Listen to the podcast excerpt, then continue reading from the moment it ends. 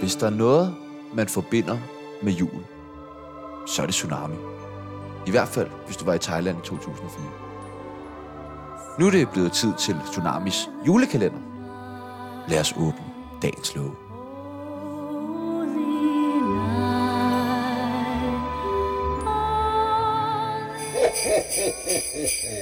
Merry Christmas. Gud hjælpe mig, om ikke der sidder en person på ryggen af Imon Sandersen. Og Gud hjælpe mig, om ikke skikkelsen tager hun. Hvad i alverden tænker jeg og far op? Chano bliver forvirret og råber, Hvor er mit stangtennissæt, far? hvilket forvirrer Sebastian, så han råber. Men er det ikke Sofie Linde? Imon Sandersen bliver også helt forskrækket og taber sin kop kaffe, som ikke indeholder alkohol. Chano taber sin, Øh, sko? som ingen nok var i tvivl om, han ejede. Sebastian får Akut angst og depression. over alt kaoset. Det Sebastian mener med det er galopperende energiudbrud. Midt i hulumhavet får vi alle tre væltet i Mons Andersen, så vi kan se, hvem der gemmer sig bag ryggen på ham. Chano tror det er, Øh, bo? selvom de to overhovedet ikke lignede hinanden. Men til vores store forbavelse var skikkelsen væk.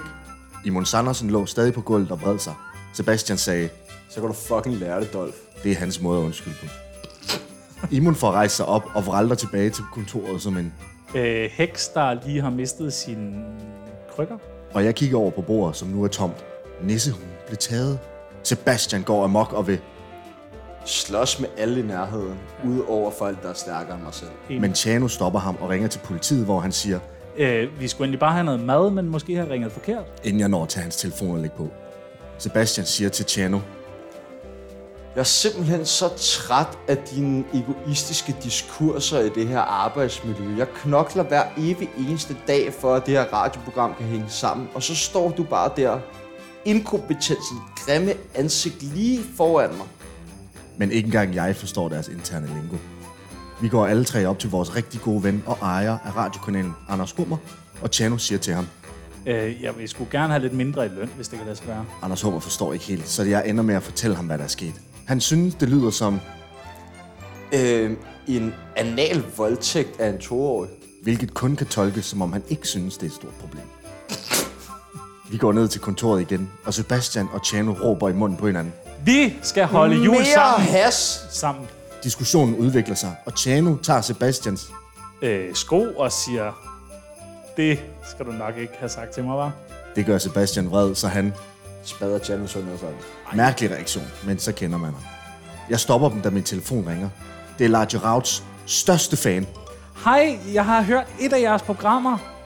eller som en almindelig person ville have sagt, Mads Brygger, men stadig med et Y og ikke et U med to prikker over.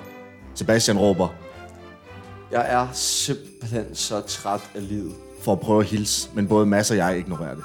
Han ringer for at spørge, om vi har oplevet mærkelige ting, for det har de nemlig inde på ufrihedsmailen, eller som Sebastian kalder det. Forgav at give mig et job, Mads.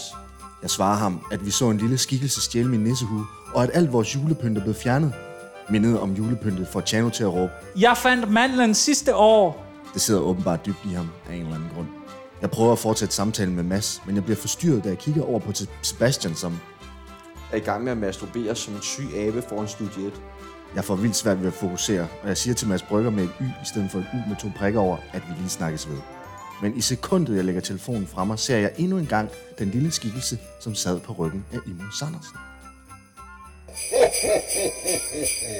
Merry Christmas.